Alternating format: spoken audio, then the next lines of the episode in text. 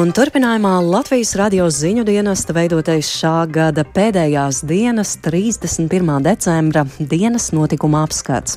Ar to studijā Agnese Vasermane. Vispirms par dažiem raidījuma tematiem.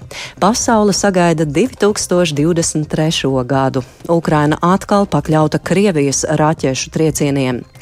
Dažas Latvijas pašvaldības aktīvi izstrādā civilās aizsardzības plānus militāram iebrukumam vai kara gadījumam, dažas to tikai sāk.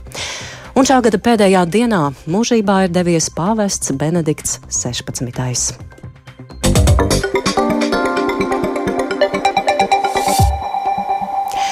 Atsevišķās pasaules daļās, tostarp Okeānijā un Austrālijā, jau līksmi ir sagaidīts jaunais 2023. gads.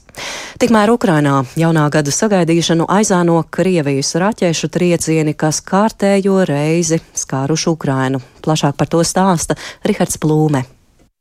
Jaunais gads jau sagaidīts Austrālijā. Cilvēku tūkstoši Sidnejā pulcējās pie televizora ekrāniem un klātienē, lai vērotu krašņu uguņošanu uz un pie ostas tilta, kas ilga desmit minūtes. Gaisā tika izšauts vairāk nekā 100 tūkstošu pirotehnikas vienību. Sidnejas amatpersonas norādījušas, ka Covid-19 pandēmijas ietekme joprojām ir jūtama, taču pauda cerību, ka svētki sniegs vismaz nelielu atvieglojumu no tiem izaicinājumiem, ar kuriem cilvēki saskārušies pēdējo gadu laikā. Arī Jaunzēlandes galvaspilsētā Oklendā, kas bija viena no pirmajām lielajām pilsētām, kas sagaidīja 2023. gadu, cilvēki varēja vērot uguņošanu. Vēl pirms Jaunzēlandes jaungadu sagaidīja arī klusā okeāna salu valstiņa Kiribati. Tikmēr Ziemeļamerikā, Amerikas Savienotajās valstīs, Ņujorkas Times Square pirmo reizi pēdējo divu gadu laikā jauno gadu varēs sagaidīt tikpat daudz cilvēku, cik tas bija ierasts pirms pandēmijas. Ierobežojumu laikā Times Square varēja pulcēties ne vairāk kā 15 tūkstoši cilvēku, taču šogad svinības notiks bez ierobežojumiem. Savukārt Maskava atcēlusi savu tradicionālo uguņošanu pēc tam, kad mērs Sergejs Sobjaņins lūdza iedzīvotājus balsot par to, kā atzīmēt šo notikumu. Kamēr citviet pasaulē gaisu pāršalts līksmas, gavilis un uguņošanas dārdi, Ukrainā dzirdami sprādzieni un trauksmes sirēnas. Iepriekš tika pieļauts, Krievija arī svētku dienā īstenojusi vēl vienu raķešu triecienu Ukrainas teritorijā, un gaisa trauksme tika izsludināta visos Ukrainas apgabalos. Kīvas kara administrācija ziņo, ka viena no Krievu raķetēm trāpījusi viesnīcā Pečerskas rajonā, bet Solomjanskas rajonā no raķetes atlūzām cietusi kāda privātmāja. Cietusi arī koncerta zāle Ukraina, kur parasti gada nogalē tiek rīkoti bērnu pasākumi. Ziņas par postījumiem saņemtas arī no citiem pilsētas rajoniem. Kīvā gājis bojā vismaz viens cilvēks, bet vēl vairāk nekā 15 ievainoti. Starp cietušajiem ir arī kāds japāņu žurnālists. Bez elektroenerģijas pašlaik ir aptuveni 30% galvaspilsētas iedzīvotāju. Ziņas par sprādzieniem saņemtas arī no Vinnicas, Mikolaivas, Zaporīžas un Hmeļņīckas apgabaliem. Vairākos attēlos un video materiālos Telegram lietotnē redzams liels daudzums baltu svītru gaisā, kas parādījušās aiz raķetēm, kas izšautas no Kaspijas jūras. Ukrainas armijas virspavēlnieks Valērijas Zalužnīs paziņojis, ka Krievi sestdien uz Ukrainu izšāvuši vismaz 20 raķetes, no kurām 12 notriekuši ukrāņu zenīta artilēristi. Sešas no raķetēm notriektas virs Kīivas.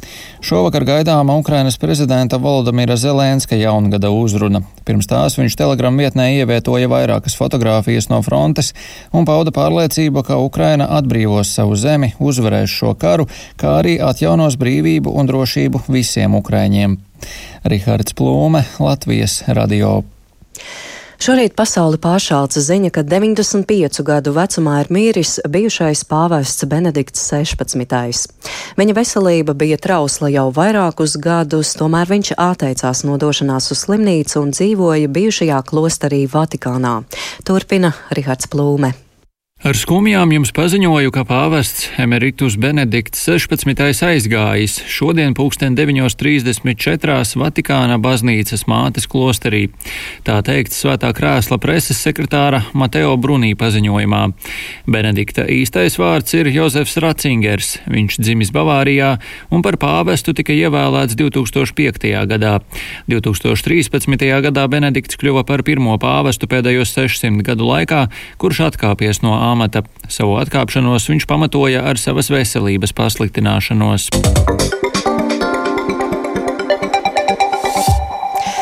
Latvijā no nākamā 2023. gada iedzīvotāju aizsardzības plānos pašvaldībām ir jāiekļauj sadaļa par rīcību kara vai militāra iebrukuma gadījumā. Kā vietvaras izmaiņām gatavojas un kā to ieviešanu vērtē valsts pārvaldē, interesējās Viktors Demidovs. Par Latvijas iedzīvotāju aizsardzību militārā iebrukuma gadījumā valstī runā jau gadiem ilgi. 2020. gadā apstiprināts valsts civilās aizsardzības plāns, kas nosaka, kā gatavoties un rīkoties dažādu katastrofu gadījumā. Lai gan darbs pie tā norit, pašvaldībām līdz šim savos plānos to obligāti nevajadzēja ieviest. Taču Krievijas iebrukums Ukrainā situāciju ir mainījis. No jaunā gada pašvaldībām sadaļa par rīcību kara vai militārā iebrukuma gadījumā palēnām jāiekļauj. Latvijas radio uzrunāto pašvaldību gatavība izmaiņām ir atšķirīga. Piemēram, Jālgavas novadā plānu izstrādājot rūpīgi, turpina Jālgavas pašvaldības operatīvās informācijas centra vadītājs Gins Reinsons. Kopā ir 14 punkti, no kuriem 6 mēs esam detalizēti aprakstījuši, tāda kā iedzīvotāja informēšana, pašvaldības sabiedriskās kārtības nodrošināšana, dzeramā ūdens rezervi iesaistīšana. Un un, un astoņi punkti ir tie, kuri vēl ir jāpilnveido šī gada laikā. Tās sadaļas, kā teiksim, degvielas un kurināmā rezervi piesaistīšana, jā, energoresursi, tas nav tikai pašvaldības kompetencē, jā, tur jādarbojas tiešā sazobē ar valsts struktūrām. Turpretim Cēsu pašvaldība rīcības plānu ievieš krietni lēnāk. Vietvaras domē informē, ka darbu tikai sākuši un komentēt varēs vien vēlāk. Lai valstī process noritētu raitāk, Latvijas pašvaldību savienības pārstāvis Aino Salmīns Kalniņš uzskata, ka aktīvākai ir jābūt valstī. Pirmkārt, jārada tāds operacionālās vadības modelis. Nākamais jautājums, ka mēs četrus gadus neko neesam darījuši pie materiālām rezervēm. Nu, tad esam izdomājuši, ka katra ministrija kaut ko krās, katra pašvaldība kaut ko veidos. Izrādās, ka neveido ne ministrija, ne pašvaldības, jo tam visam ir jābūt finansējumam. Beidzot, ja mēs gribam runāt par apdraudējumu, mēs nevaram plānot to pēc iepriekšējā gada budžetiem. Diemžēl mēs mūžīgi to risku esam vērtējuši, bet finansējums tam nav sekojis. Un tas ir tas pats būtiskākais, kas jādara gan valstī, gan vēlāk arī pašvaldībām. Lielākā daļa pašvaldību ir bijuši ļoti aktīvas, iesaistoties mūsu dažādos pasākumos. Kopumā nevajadzētu būt problēmām sagatavot plānus. Aizsardzības ministrijas valsts sekretārs Jānis Garisons uzskata, ka rīcības plānu izstrādē aktīvai ir jābūt gan valstī, gan pašvaldībā pašvaldībām. Pretēji Salmiņa teiktajam viņš uzskata, ka daudzus krīzes pasākumus var īstenot ar esošo finansējumu. Tas nav tik daudz par kaut ko jaunu, tas ir vienkārši par uh, spēju reaģēt un attiecīgi sniegt nepieciešamo atbalstu, bet, protams, koordinācijā ar gan ar bruņotajiem spēkiem, gan arī ar valsts līmeņa civilās aizsardzības operatīvās vadības centru. Plāns pat pa sevi, es atļaušos teikt, neko nerisina risina. Ja attiecīgās amatpersonas nav apmācītas un nav domājušas, svarīgākais ir tomēr saprast un izprast situācijas un kādā veidā ir jārīkojas šādās situācijās. Rīcības pasākumi militārā iebrukuma vai kara gadījumā civilās aizsardzības plānā pašvaldībām jāiekļauj līdz 2024. gadam. Uz to skeptiski raugās Salmiņš, norādot, ka mājas darbu ir pārāk daudz. Lai kārtību ieviestu, drīzāk vajadzēšot vairākus gadus. Viktors Demidovs, Latvijas radio.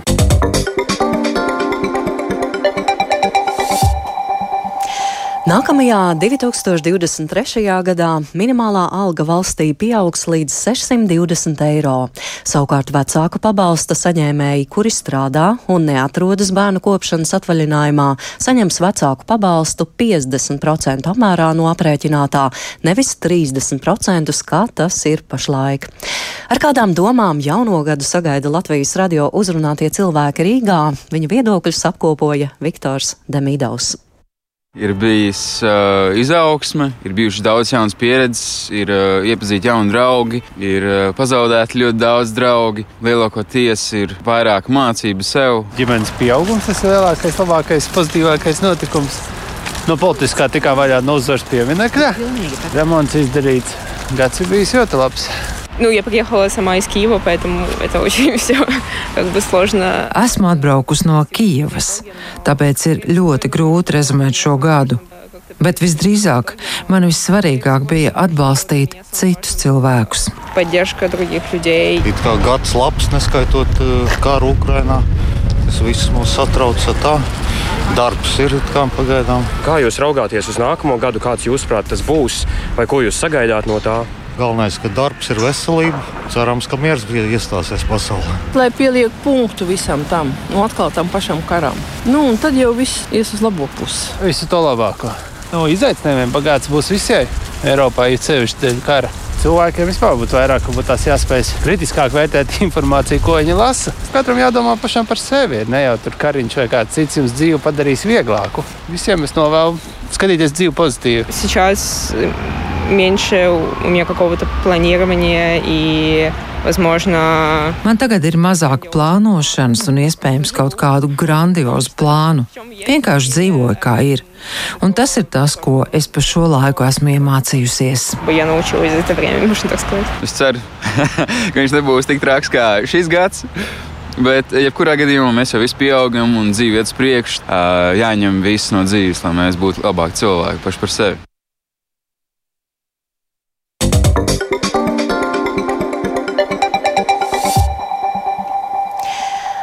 Par sportu. Davosā, Šveicē, šodien pasniegta gada pēdējā trofeja hokejā - tradicionālais Špenglera kauss. Pavisam netālu no turienes Šveices Alpos prestižo Tour skīs lēpošanas seriālu sāka sportiste Patricija Eiduka. Un vairāk par sporta notikumiem gada izskaņā pastāstīs sporta nozares kolēģis Reinis Grunspēņš, kurš pievienojies tiešēdē. Sveiks, Reini! Vārds tev!